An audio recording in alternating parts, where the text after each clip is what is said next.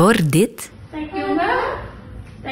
lag de tweede pleegbaby van mijn broer en zijn vriend zeven dagen lang in het ziekenhuis. Helemaal alleen. Mijn broer en zijn vriend moesten een week wachten om de baby op te halen.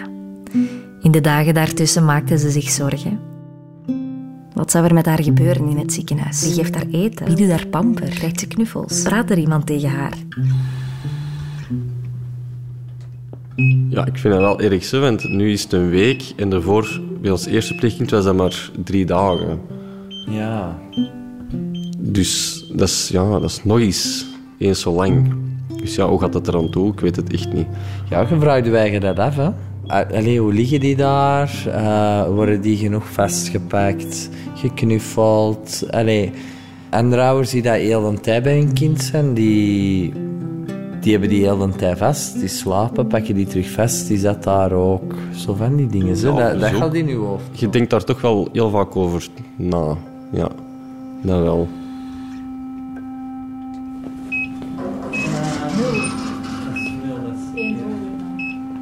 Om een beter beeld te krijgen van haar allereerste dagen op deze wereld, ga ik vandaag met mijn broer naar de neonatologie van het ziekenhuis.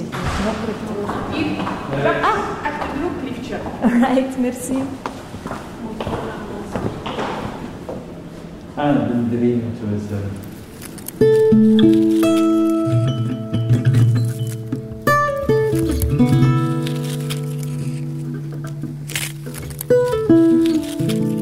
Je luistert naar Nest, een podcast van Radio 1 over pleegzorg.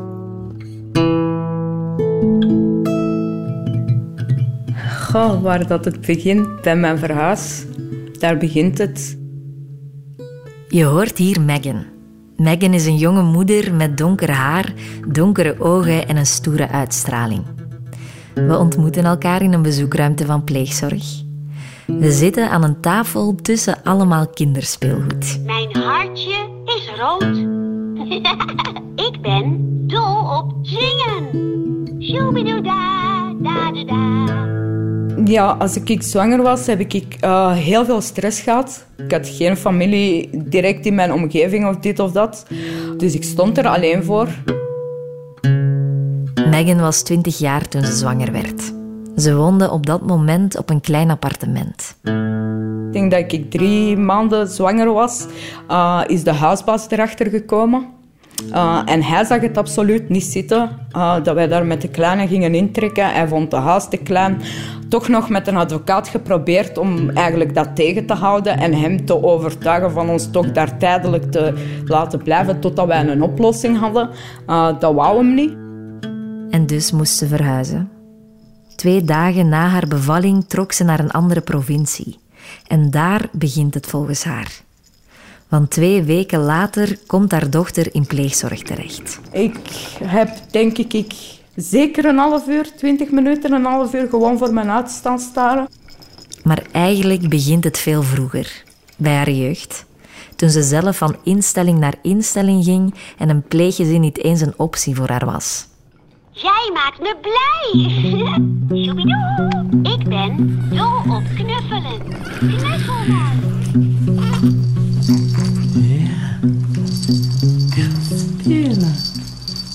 Sinds een paar dagen woont er een nieuw pleegkindje bij mijn broer.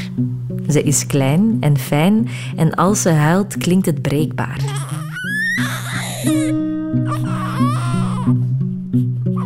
Als ze op mijn arm ligt, dan kan ik soms niet anders dan denken aan wat ze al heeft meegemaakt. Die gedachte spokt af en toe ook door mijn hoofd bij de eerste. Hij is intussen een peuter en lijkt gelukkig onbezorgd. Zoals een kind moet zijn. Maar wat zou hij onbewust weten over vroeger? Je hoort vaak dat de eerste dagen van iemands leven superbelangrijk zijn. Dat een pasgeboren baby heel veel voelt. Vooral aanwezigheid. Ik vraag me daarom af wat een moeilijk begin doet met een kind. Welke impact heeft dat? Hoe ga je daar als pleegzorger mee om en tot op welke hoogte kan je trauma's herstellen? Dat zoek ik in deze aflevering uit.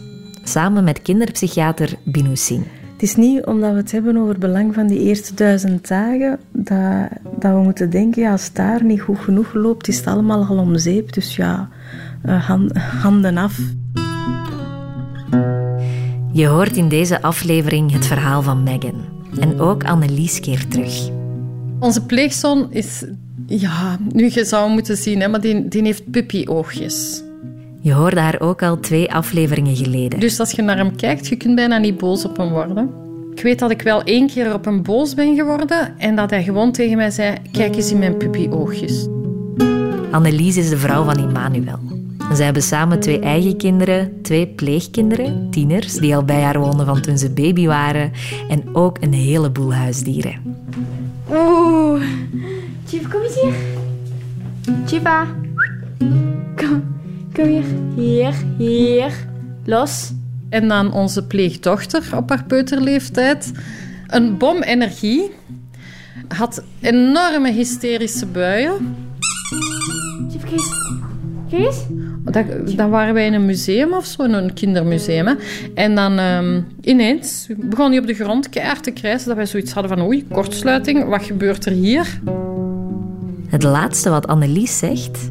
Kortsluiting, wat gebeurt er hier? Is iets wat veel mensen zich voorstellen bij pleegzorg, merkte ik de afgelopen jaren. Veel mensen die niet weten wat het is, die denken... Phew, dat moet wel vermoeiend zijn. Amai, kinderen met een rugzak. Ja, wat dragen die allemaal niet mee? Het zullen wel moeilijke kinderen zijn. Maar dat is dus niet altijd waar. Er is ook deze lach. En de puppyoogjes.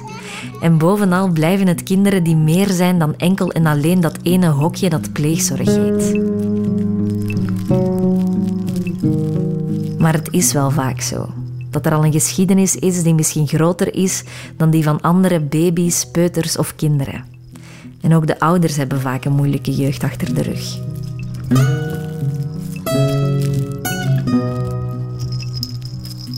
Toen de dochter van Megan werd geboren, merkte ze hoeveel impact haar jeugd heeft gehad op haar als moeder. Het was voor mij in het begin zeer emotioneel. Ja, zij werd direct eigenlijk in de couveuse gestoken. Uh, dan uiteindelijk, als ik haar de eerste keer pap heb gegeven, zag ik, ik pas hoe klein dat was. Dus dat was voor mij eigenlijk een shock. Ik was er ook totaal niet op voorbereid. Ik heb niet de liefde gehad. Ik heb niet de verzorging gehad. Ik, ik, wist niet wat dat was om voor een kind te zorgen. Los van... Ik kon zelf op dat moment niet voor mijn eigen zorgen. Laat staan om voor een baby te zorgen. Ik wist zelf niet deftig hoe dat het was om effectief voor mijn eigen te kunnen zorgen. Om zelf stabiel te staan. Om zelf werk te hebben. Ik had op dat moment niks. Dus ja, voor mij was dat een hele shock eigenlijk.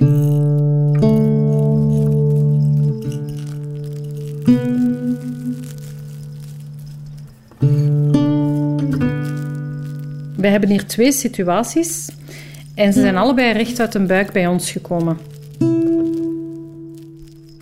Annelies heeft twee pleegkinderen. Elk met hun eigen verhaal, hun eigen achtergrond en zwangerschap.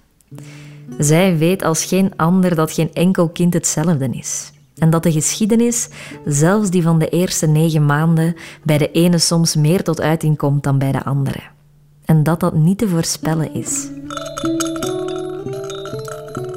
En de ene is in de buik lief gehad en goed voor gezorgd. Die heeft eten gehad, die heeft alles gehad en is geboren geworden met een hele stabiele ondergrond.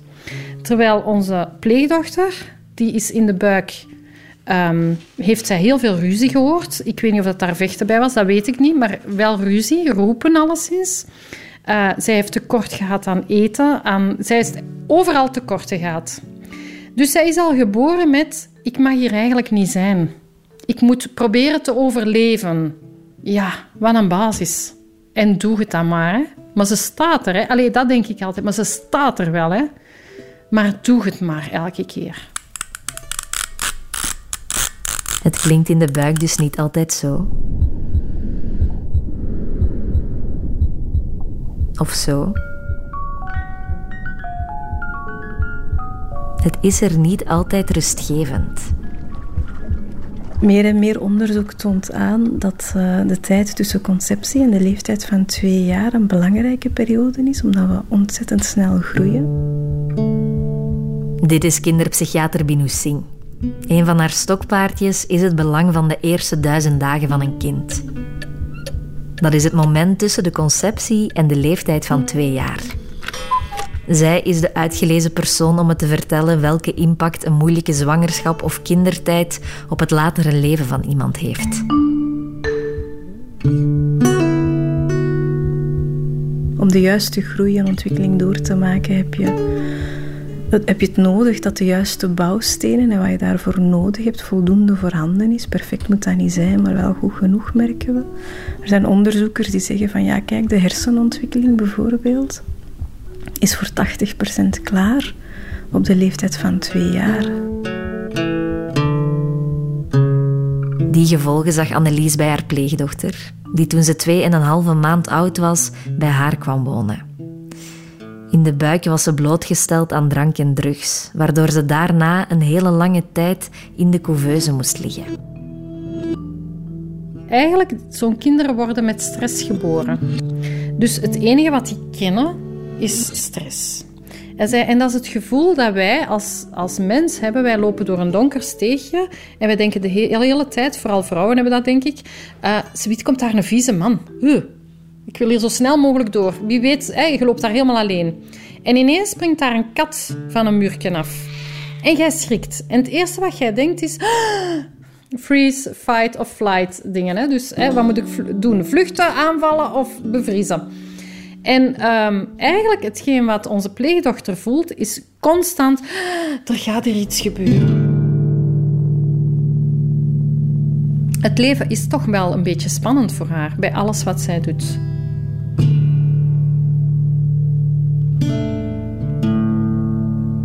Ja, dat begin is heel belangrijk. Uh, ook in de buik, ook op de buik, ook uh, als ze al een beetje beginnen te stappen. En waarom is dat zo? Omdat daar uh, alle aanleg gebeurt. Hè? En dat is mijn huis ook zo. Hè?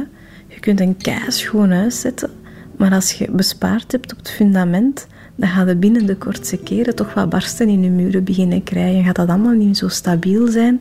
En dan heb je misschien een keischoon huis, maar gaat er niet lang veel aan hebben. Terwijl als je een stevig fundament legt en er waait al iets om in een storm, je kunt veel sneller terug heropbouwen. Zij heeft hier niet voor gekozen, hè? maar zij heeft zich vanaf het begin onveilig gevoeld. Als uw um, blauwdruk noemen ze dat dan in pleegzorg, maar als uw basis onveilig is, hoe gaat jij veilig relaties aangaan met anderen? Gelukkig kan dat. Herstel is mogelijk. Een mens is ongelooflijk veerkrachtig. En zeker op die jonge leeftijd zijn we heel veerkrachtig. Dus ik denk als je, uh, als je kinderen hebt die inderdaad al in de zwangerschap het een en het ander hebben meegemaakt rond de geboorte, ja, uiteraard heeft dat al hen getekend. Uh, maar net daarom is het goed om hen met heel veel liefde te omringen en een veilige omgeving te bieden, zodat ze ervan kunnen bekomen in de eerste plaats van wat ze al hebben meegemaakt en dan na het bekomen ervan kunnen beginnen herstellen. Het is maar als het zeer extreem is, hè, dat, er, dat er onomkeerbare schade wordt opgelopen, maar zelfs dan, zelfs die kinderen, kunnen nog tot fantastische mensen uitgroeien als ze maar de kans krijgen. Dat is een beetje zoals je zo een, een mini-plantje ziet. Hè. En daar is dan op getrapt geweest. Je zou kunnen zeggen, ja, gooi het in de vuilbak, het is om zeep. Of je pakt dat bij u en je verzorgt dat en je geeft dat een kans. En, en dan zie je zoveel jaar later dat dat toch tot iets prachtigs uitgegroeid is.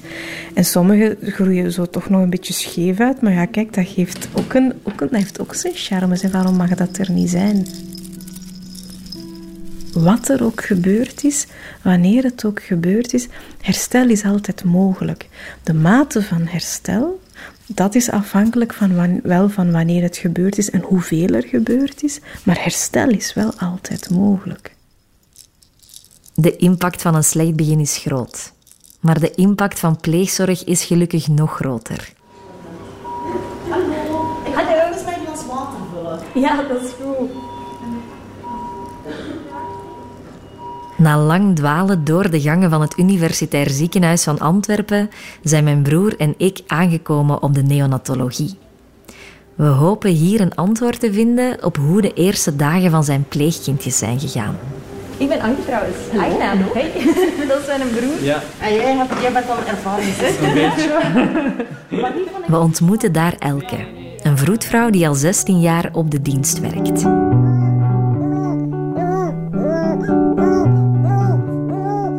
Neonatologie is een plek waar pasgeboren baby's intensieve zorgen krijgen. Er liggen te vroeggeboren baby's, baby's die ziek zijn en ook pleegkindjes. Ja, er zijn, er zijn kindjes waarvan dat we weten dat voordien al, als die geboren worden, dat die sowieso in pleegzorg gaan terechtkomen of eventueel ook in, in adoptiegezinnen. Er zijn ook kindjes dat we pas doorheen het traject hier, dat er bezorgdheden komen en dat er dan uiteindelijk voor pleegzorg eh, wordt gekozen. Hebben jullie daar extra volk voor, voor die zo wat vast te pakken en eh, die geborgenheid te krijgen? Dat die, eh, Extra volk in de zorg is altijd een heikel punt.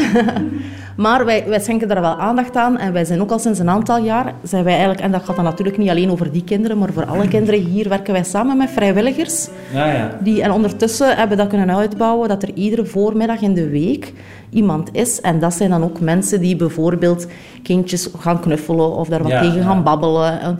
En, we zijn aan het kijken om dat nog uit te breiden naar de namiddag toe ook, als we nog extra kandidaten hebben.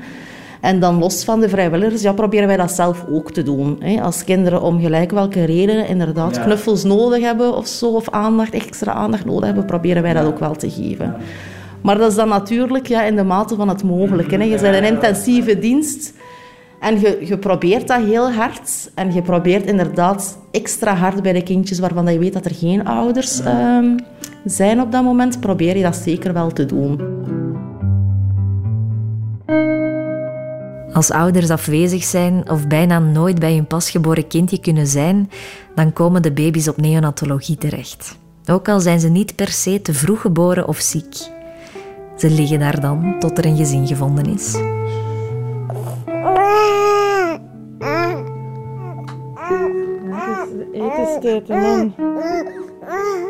Wij hebben wel eens een kindje gehad die hier dan inderdaad, die was heel extreem prematuur geboren. En die heeft er maanden gelegen.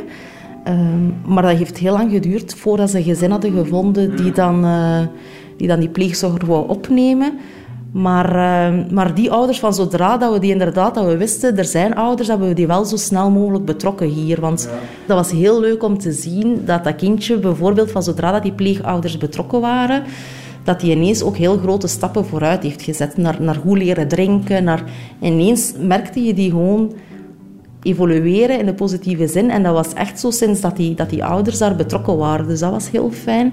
Dus van zodra dat wij weten dat er zijn, dan proberen wij die wel zo snel mogelijk eh, hier te krijgen. Maar dat Ja. is natuurlijk niet altijd dat er al... Nee, soms moet daar echt wel lang naar gezocht worden.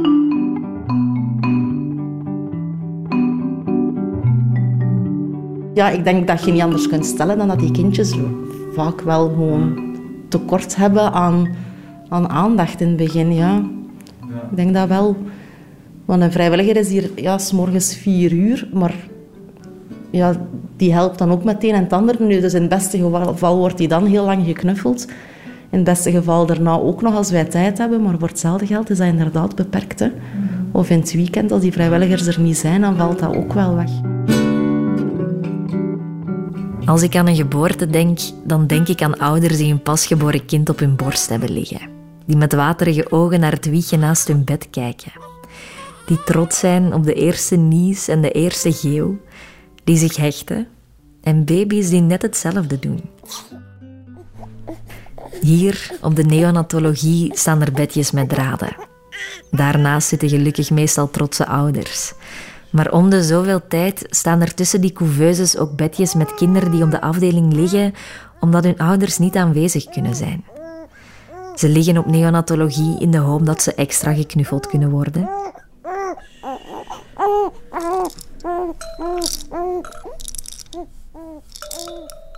De dochter van Megan lag ook een paar dagen op neonatologie. Megan was toen zelf net verhuisd naar een andere provincie en ging op bezoek bij haar dochter met het openbaar vervoer. Dat was met de trein dat ik moest gaan. Uh, ik moest daarvoor twee treinen nemen. Eerst naar Leuven en dan van Leuven overstappen naar de trein van Sint-Truiden. En dan ofwel te voet helemaal naar het ziekenhuis, wat al wel een redelijk stukje was. Dus ik pakte meestal de bus. Dus ja, dat was voor mij een, een, een hele gedoe, waardoor dat ik ook in mijn privé niks in orde heb gekregen. Ik heb geen tijd gehad om mijn adres te wijzigen. Ik heb geen tijd gehad om mijn ziekenverzekering, haar in orde te maken. Het stad, dit, dat. Het was een hele hectische uh, situatie. Na een paar dagen mocht haar dochter naar huis. Het gepuzzel met de uren van het openbaar vervoer stopte. Maar daarmee waren de zorgen niet voorbij. Zij moest zeven keer per dag in het begin eten, wat dat absoluut niet lukte. Die kwam misschien aan drie papflesjes per dag. Ik zat daar altijd een uur, een uur en een half eer dat een papfles op was. Ik had heel veel schrik dat ze ja, gewoon zou beginnen verhongeren. De nachten begonnen heel zwaar te worden. Ik stond er ook volledig alleen voor. En dan de laatste keer dat kind en gezin uh, bij mij thuis zijn geweest, hebben ze gevraagd hoe dat het liep. En ik heb gezegd dat ik het niet meer wist. Dat ik niet wist hoe dat ik eigenlijk uh, voor haar moest zorgen. Padje geven. Ik heb uh, zelf een verdrinkingsangst, waardoor dat het bij mijn dochter voor mij zeer moeilijk was om de eerste keer een badje te geven. Dan hebben ze gezegd van kijk, we gaan het vanavond, allez, deze middag op het team uh, bespreken en wij zullen morgen terug langskomen of telefonisch contact opnemen en wij zullen laten weten wat dat er gebeurd is. Dat is dus niet gebeurd.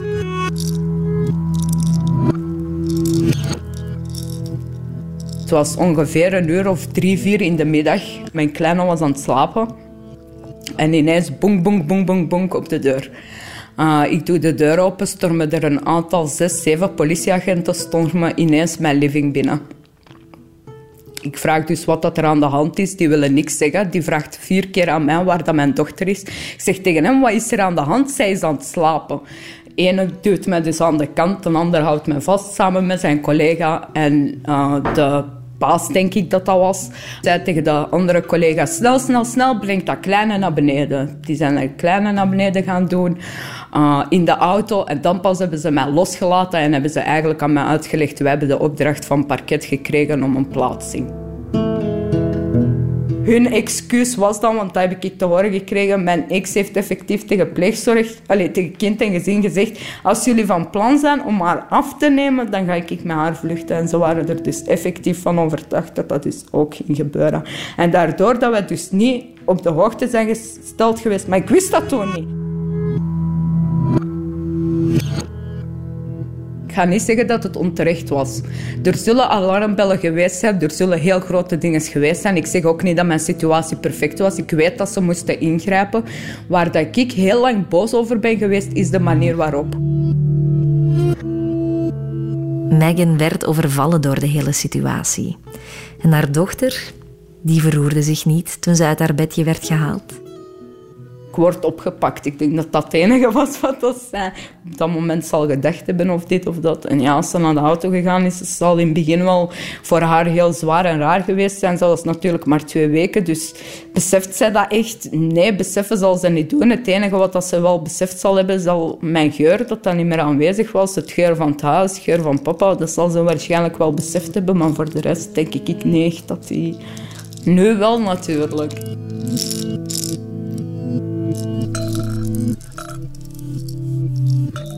Een kind weet dan dat die wordt weggehaald, hoe jong ze ook zijn. Ook al is dat een babytje, die weet dat er iets weg is dat er voor er was. Hè. En als dat, naast het feit dat er iets weg is dat niet leuk was, gaat er ook iets weg dat gewoon vertrouwd was. Hè. Dat roept wel spanning op. En uh, ze onthouden het niet verbaal, zoals we dat noemen, hè, met, een, met een woordgerichte geheugen, maar ze onthouden het wel in hun ervaring en in hun lijf, hoe dat dat gevoeld heeft. Misschien herinner je je nog Anne en Griet, het crisispleeggezin dat al tien babytjes heeft opgevangen. Zij merkte dat veel van hen zich overstrekten of geen oogcontact maakten. En dat komt blijkbaar wel vaker voor. Er zijn baby's die bijvoorbeeld vroeg veel stress hebben ervaren en dat soort vertrouwen niet hebben geleerd, hè, een vertrouwensbreuk daarin hebben ervaren, dus die in een soort hyperalertheid gaan zitten en die zich opspannen. Die denken, ja, wat ga jij doen met mij? Ga jij mij knuffelen of ga jij mij pijn doen? Ik sta klaar om, om, om, om te incasseren wat er gaat komen. Hè? En dan laten ze dat op die manier zien. En dan moet ik keer op keer op keer op keer mee ervaren hoe het met u is. En dan stilletjes aan daar vertrouwen in ontwikkelen. En dan gaat hij zich wel terug gaan geven, maar je moet dat proces wel doorgaan. Het is niet zo dat je aan een baby kunt zeggen: voilà, je bent uit de misère. Je zei bij mij, kom hier schatteke, ik knuffel. En die zegt, ah, kom hier, ah, ja. En als ze bijvoorbeeld inderdaad dan zich opspannen, of dat ze daardoor eh, slechter gaan eten, of veel meer huilen, of moeilijk troostbaar zijn, of prikkelgevoeliger zijn, uh, of zindelijkheidsproblemen tonen, eetproblemen tonen, hè, die zijn niet aan lijzen. Die zijn zo niet ontspannen in hun lichaam. Die zijn alert, die zijn waakzaam, klaar om met het gevaar om te gaan. Na de inval van de politie kwam de dochter van Megan in een crisispleeggezin terecht. Na de plaatsing van mijn dochter is het met mij mentaal eigenlijk een serieuze brek geweest van twee jaar. Serieus. Ik heb heel diep gezeten. Ik was echt terug mijn pad eigenlijk een beetje kwijt. Ik voelde mij slecht, heel slecht en leeg. Megan zocht hulp. Ze kreeg medicatie en begeleiding en na twee jaar was ze klaar om een traject op te starten om opnieuw voor haar dochter te zorgen. Ik heb geprobeerd, ik heb geprobeerd en het klikte niet met mijn kleine. Het klikte niet. Ze was heel moeilijk op mij, nog altijd met eten, terwijl dat het bij de pleegzorgers heel goed ging. Uh, ze had totaal geen problemen meer met eten of dit of dat. En bij mij lukte dat niet. Spelen, geen interesse. Ik begon dat heel persoonlijk te nemen. Na twee of drie weken heb ik gezegd gehad van deze is het niet. Het gaat me niet, ik voel me er niet oké bij, deze gaat niet lukken. De dochter van Megan kwam uiteindelijk in een nieuw pleeggezin terecht. Ze was toen twee jaar oud.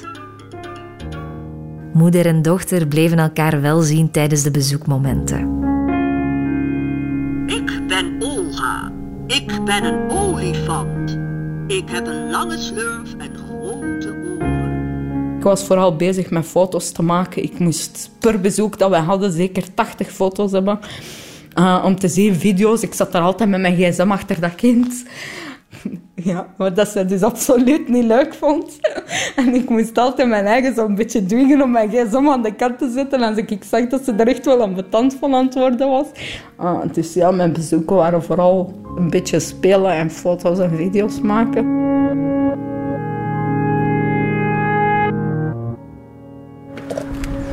Oeh, maar het. Ik loop met de pleegdochter van Annelies in de Ehm, tuin. we hebben twee cavia's, Timon en Pumba. Oh ja, sorry trouwens dat ik het de hele tijd heb over het pleegkind, de pleegzoon, Pleegzoon, pleeg, pleeg, pleeg, pleeg, pleeg. Alsof de kinderen niet meer zijn dan dat. Maar ik mag geen namen noemen. En ik heb het geprobeerd met gepiep, zoals deze en deze. Maar dat is ook irritant. Maar goed, ik loop in de tuin met een 16-jarig meisje met een erg lieve en zachte uitstraling. Een coole uitstraling ook wel. En we hebben twee kippen, zes wandelende takken en een hond. Ze laat me de dieren zien, waar ze heel erg veel aan heeft. Ehm, ja, dieren die laten je goed voelen en zo. En die geven mij vooral ook troost. Want dat is mijn knuffelkip. Die. Maar nu is een beetje bang.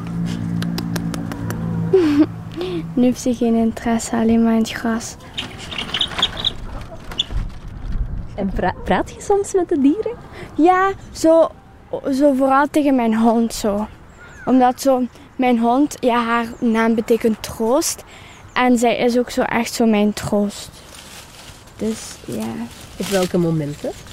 Ehm, eigenlijk altijd als ik, als ik boos ben of zo, dan voelt ze dat en dan komt ze zo bij me zitten. En dan duwt ze zo haar neus zo onder mijn arm.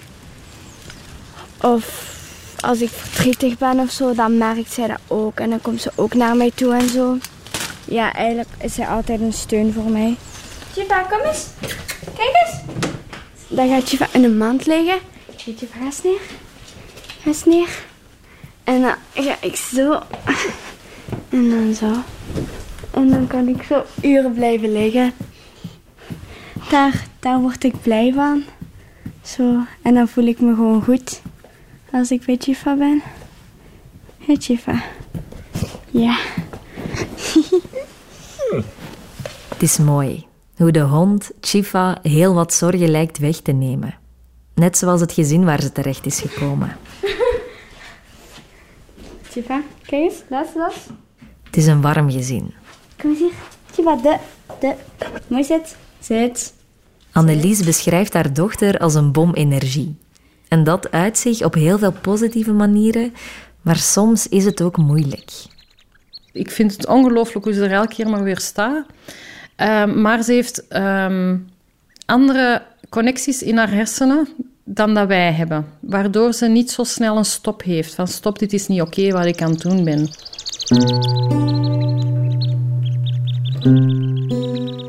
Dat komt omdat ze tijdens de zwangerschap dus blootgesteld werd aan drank en drugs. En dat is een lastige. Daar bots je wel eens tegen.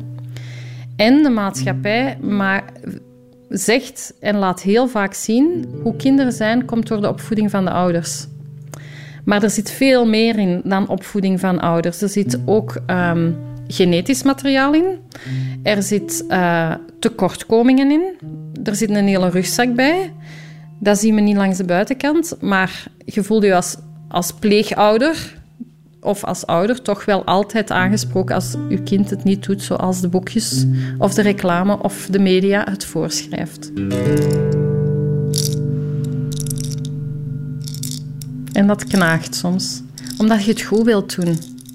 Je, wilt, je hebt gekozen voor pleegzorg. Dat is heel grof om te zeggen, omdat je denkt dat je dat kunt. En je denkt dan dat je dat kunt en je doet het niet perfect. Want de maatschappij zegt, als je een kind niet goed opvoedt, dan krijg je dit gedrag. Maar, hallo maatschappij, er ligt meer, maar ik kan jullie dat niet duidelijk maken. Ik kan u dat niet duidelijk maken. En dat vind ik soms heel frustrerend.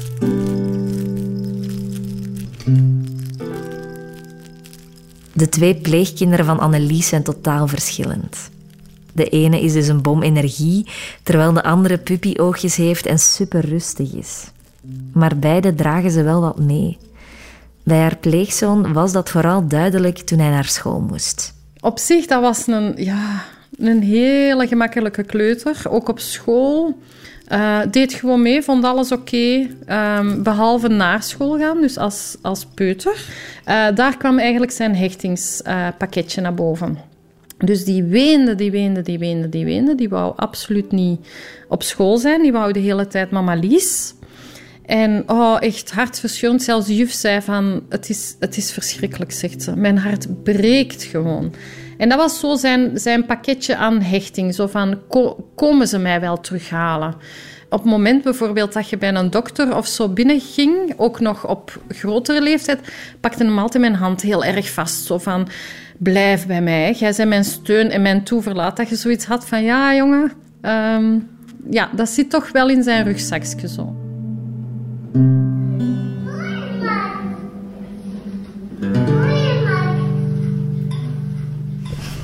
Wat zeg?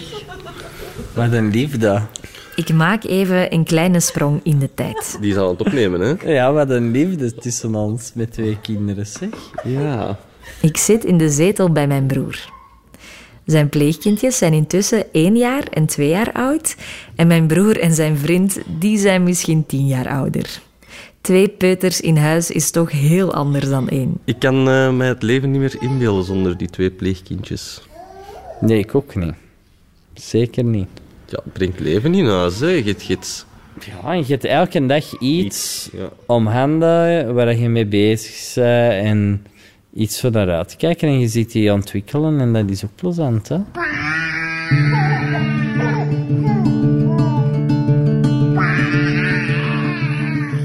Soms denkt je wel eens van...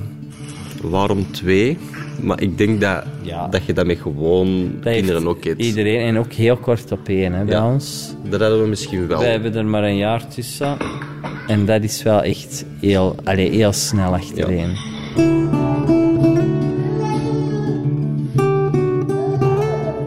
De twee kindjes hebben elk andere ouders. Dat wil dus zeggen dat er dubbel zoveel is om in rekening te houden. Ze hebben elk een andere geschiedenis, een ander verloop van de zwangerschap en een andere rugzak. En dat voel je.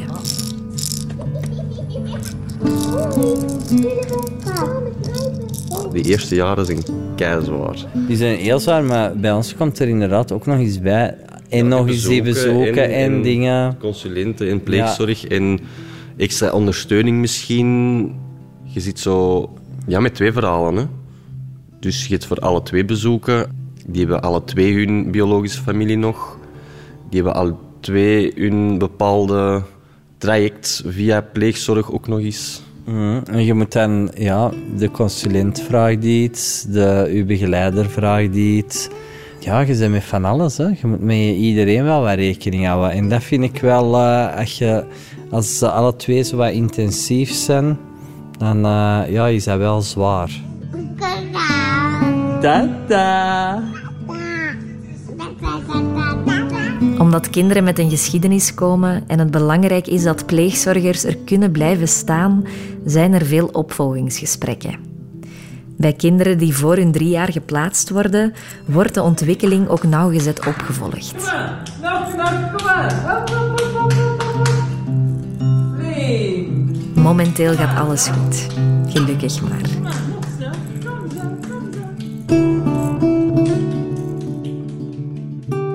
Als je in het leven terug corrigerende ervaringen krijgt en, en leert, ah, het kan wel zo zijn, dan kunnen we wel een tegengewicht geven aan de eerder opgedane ervaringen en zodanig veel dat dat toch terug uw highway wordt. Zo.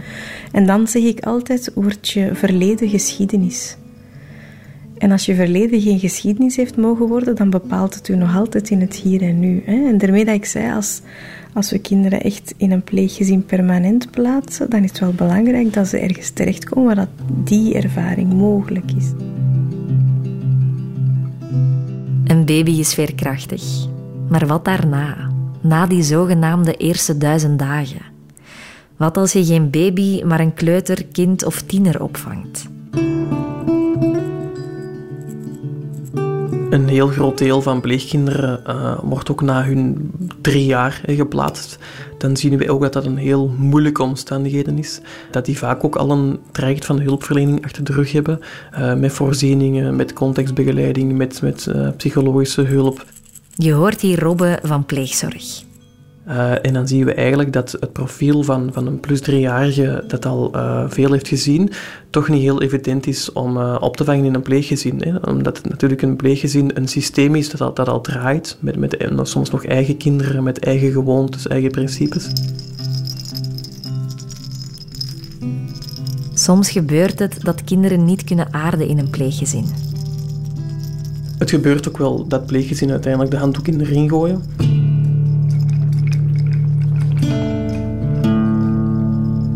Ik ben één keer ehm, naar een pleeggezin gegaan en samen de koffers gepakt van het pleegkind en de koffers in de auto gedaan en naar het nieuwe pleeggezin eh, gereden.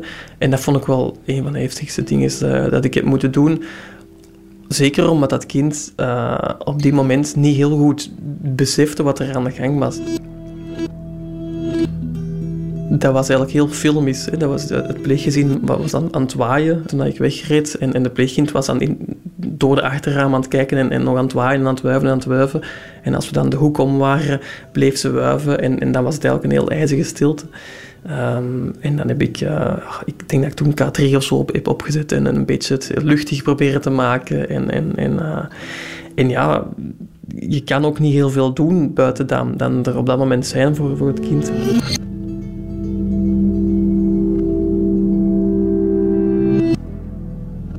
Het verhaal van Robbe is voor een stukje misschien herkenbaar voor Megan. Ja, mijn ouders, dat ging gewoon niet thuis. Tot haar zeven jaar woonde ze bij haar ouders.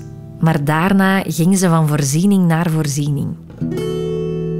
Ik heb uh, Eerst in het dagcentrum gezeten. Eerst mocht ze in het weekend nog naar huis. Maar haar huis voelde niet als thuis en dus dwaalde ze elk weekend s'nachts door de straten van de stad. Ik stond op, ik kwam uit mijn bed en ik kwam niet thuis totdat ik er 100% van zeker was dat iedereen thuis sliep. Ze was amper negen jaar. Als ik echt over toen nadenk, wat ik allemaal... Ik denk echt dat ik blij mag zijn dat ik zelf er nog ben. Dat ik effectief niet gewoon een zot heb tegengekomen dat mij gewoon van kant heeft gemaakt of zo. Daarna ging ze naar een andere voorziening en nog een voorziening en nog een. En dan kwam ze weer thuis terecht. Op haar dertiende liep ze weg en werd ze opgegeven als vermist. Al mijn posters waren overal gehangen, Antwerpen, Mechelen. Child Focus had al 10.000 keer op mijn voicemailberichten ingesproken. Uh, dus ja, ik was effectief weg. Als ik zo terugkijk op mijn leven, denk ik effectief dat het voor een kind beter is om in een pleeggezin te zitten. In een pleeggezin is dat toch nog altijd het huiselijk gevoel. Oké, het zijn niet uw echte ouders, maar voor een kind is uw ouder degene dat voor u zorgt. Niet degene dat effectief uw mama of uw papa is. Mijn mama en papa zijn nooit voor mij effectief mijn mama en mijn papa geweest. Op een bepaald moment wilde Megan graag naar een pleeggezin. Ik heb dat zelf geprobeerd gehad, want ik zat in een klas met een meisje dat zelf in een pleeggezin zat. En die was daar altijd zo heel dingen over. Ehm, ja, enthousiast zal ik zeggen. Ze stelde de vraag aan de jeugdrechter. Ja, ik had zoiets van, ik wil deze. Ik wil niet effectief constant in instellingen zitten, andere vrienden hebben.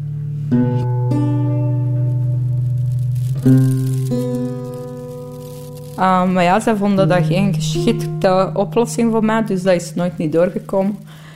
Uh, en dan ben ik toch ja, gewoon naar huis gestuurd of naar een andere instelling. Ik weet niet meer juist hoe dat het gelopen is, maar het is dus eigenlijk gewoon hetzelfde gebleven.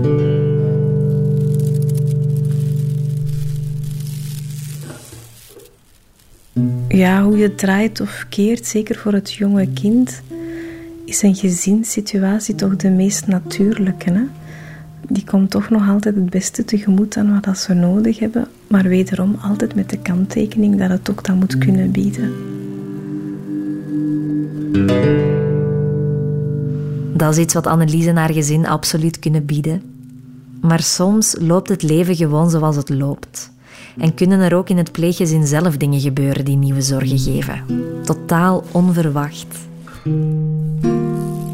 Soms gebeuren er dingen waar geen enkele knuffelkip of hond troost voor kan bieden. Ongeveer tien jaar geleden stierf de oudste zoon van Annelies onverwacht aan hartfalen. Op een bepaald moment sterft onze eigen zoon, waardoor onze draagkracht toch wel een knak heeft gekregen. Dat geef ik, dat geven we absoluut eerlijk toe. En onze pleegdochter heeft nog maar eens iets bij in haar rugzak gekregen. Hè. Dat ga ik niet ontkennen. De pleegdochter van Annelies is op dat moment zes jaar. Mijn oudste broer, ja, ik had daar een hele goede band mee. Ik was er echt heel, heel veel bij. Ik weet nog dat we samen op de zetel lagen op, uh, en dan op zijn iPad zaten te spelen. Ja, dat ik hem echt als mijn grote broer zag, zo. Mijn voorbeeld, zo. Ja. Het is gewoon heel fijn om zo iemand te kennen en hebben gekend. Dat was gewoon echt mijn grote broer zo. En dat voorbeeld viel weg. Net op het moment dat ze ouder wordt en het leven moeilijker. Een paar jaar later, wanneer ze negen jaar is, wordt het even allemaal te veel. Ze pakt haar koffer. Wat zat daarin? Um, haar knuffel, ik denk een pyjama en uh, een jas of zoiets. Nee, niet eens een jas. Of schoenen, denk ik. Dus uh, het was november. En ik zeg, waar gaat je dan naartoe? Ik ga in het bos wonen. Nu, wij wonen hier aan een natuurgebied. Hè. Ik zeg, oei, dat gaat wel een moeilijke zijn. Ik zeg, maar weet, als je hier buiten de poort gaat, moet ik de politie bellen, want kinderen die weglopen, maar dat mag eigenlijk gewoon niet. En uh, het was eigenlijk een heel turbulent moment ook. Dus op een bepaald moment gaat ze naar buiten en ze gaat voor de poort zitten.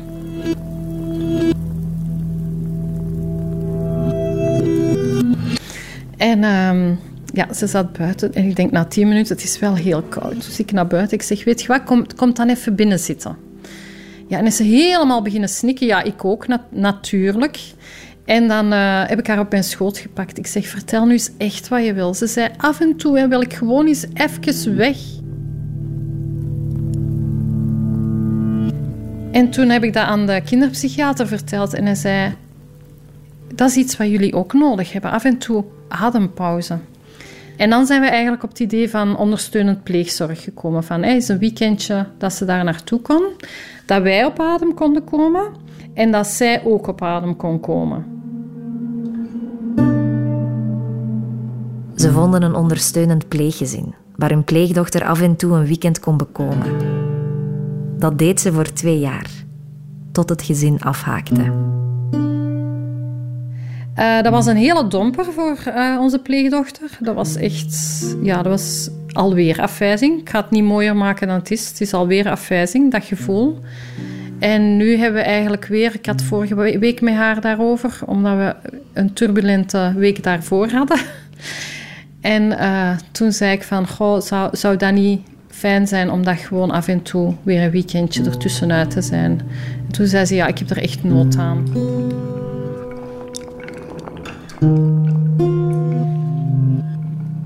Nu, als pleegouder, voor mij persoonlijk, voelde het in het begin heel erg als falen. Want ik ging pleegouder zijn, fulltime. En ik kan dat niet. En ik kan dat niet. En uh, ik vond dat heel, heel erg. Maar ik, heb, ik kan dan wel weer mijn verstand aan het woord laten en zeggen: Maar je wil het beste voor je pleegkind. Ja, ik word daar emotioneel van. en um, wij willen absoluut het beste voor haar. Daar willen we ook echt voor gaan.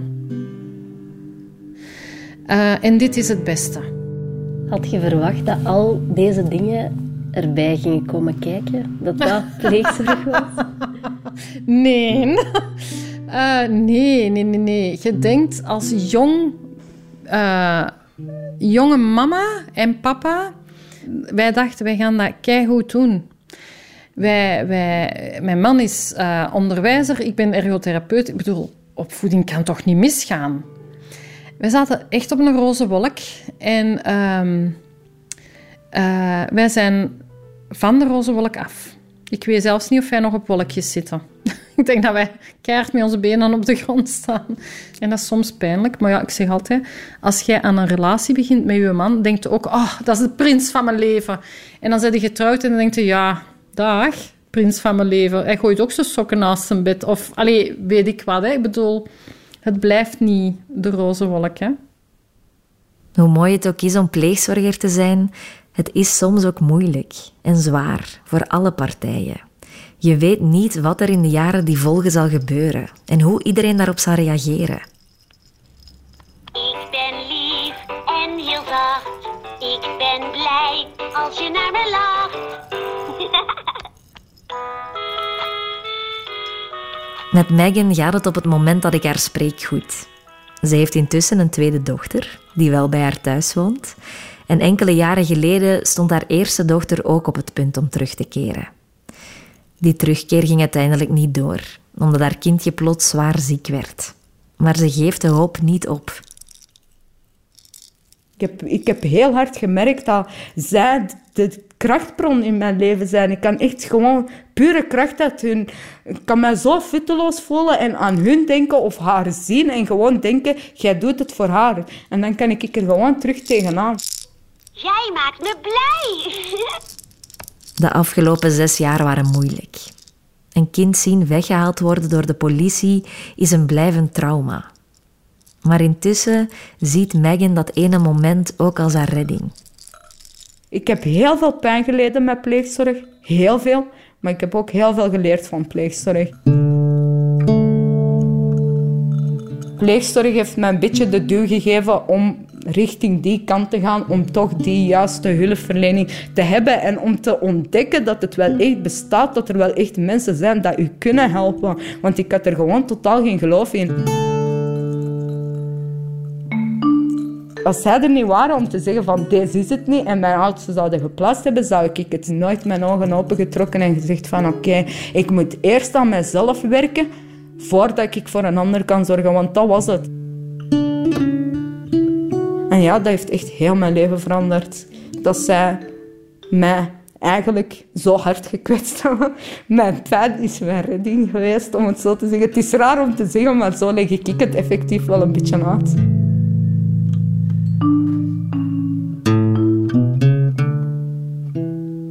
Ik ben er natuurlijk nog niet volledig, maar ik ben er wel al aan het komen. En ik heb eindelijk na zoveel jaren het geloof in mezelf dat ik er ook wel zal komen. Dat ik ondanks mijn beperkingen en ondanks mijn problemen dat ik heb... Natuurlijk, mijn verleden kan ik nooit uitwissen. Dat zal er altijd blijven. Ik zal mijn, mijn dingen wat ik heb meegemaakt ook altijd meedragen. Dat blijft een litteken. Uh, ik heb het een plekje kunnen geven. En ja, er zullen nog wel dingen zijn waaraan ik ga moeten werken. Uh, maar mijn eerste stap was, was mijn problemen durven inzien en hulp durven vragen. En dat deed ze. En doet ze. En zo groeit ze. Samen met haar kinderen. Op afstand, maar toch samen. Als mens en als moeder.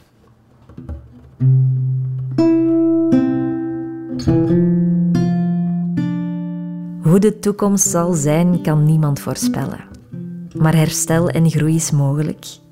Zowel voor de ouders als voor de kinderen. Ook voor de pleegkindjes van mijn broer. Ze groeien. Op alle mogelijke manieren. Gelukkig momenteel zorgeloos. Het worden steeds meer mensjes. Die kunnen lachen, rollen, zelfstandig eten, spelen, kruipen, stappen, springen, dansen, praten, zwaaien, zingen, nee zandkastelen maken, bergen bouwen en verzetten, taarten bakken. Stempelen, kleuren, krabben, fantaseren, krijsen, monsters verjagen, leven. Ze groeien, worden groter, steeds groter.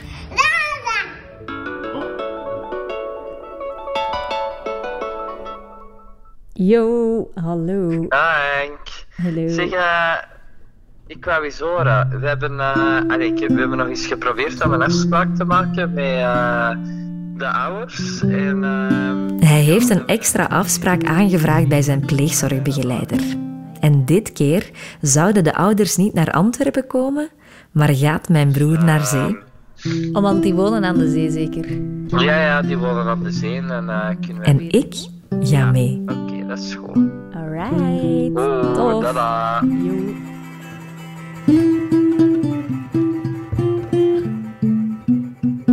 Je luisterde naar de vijfde aflevering van Nest, een podcast over pleegzorg.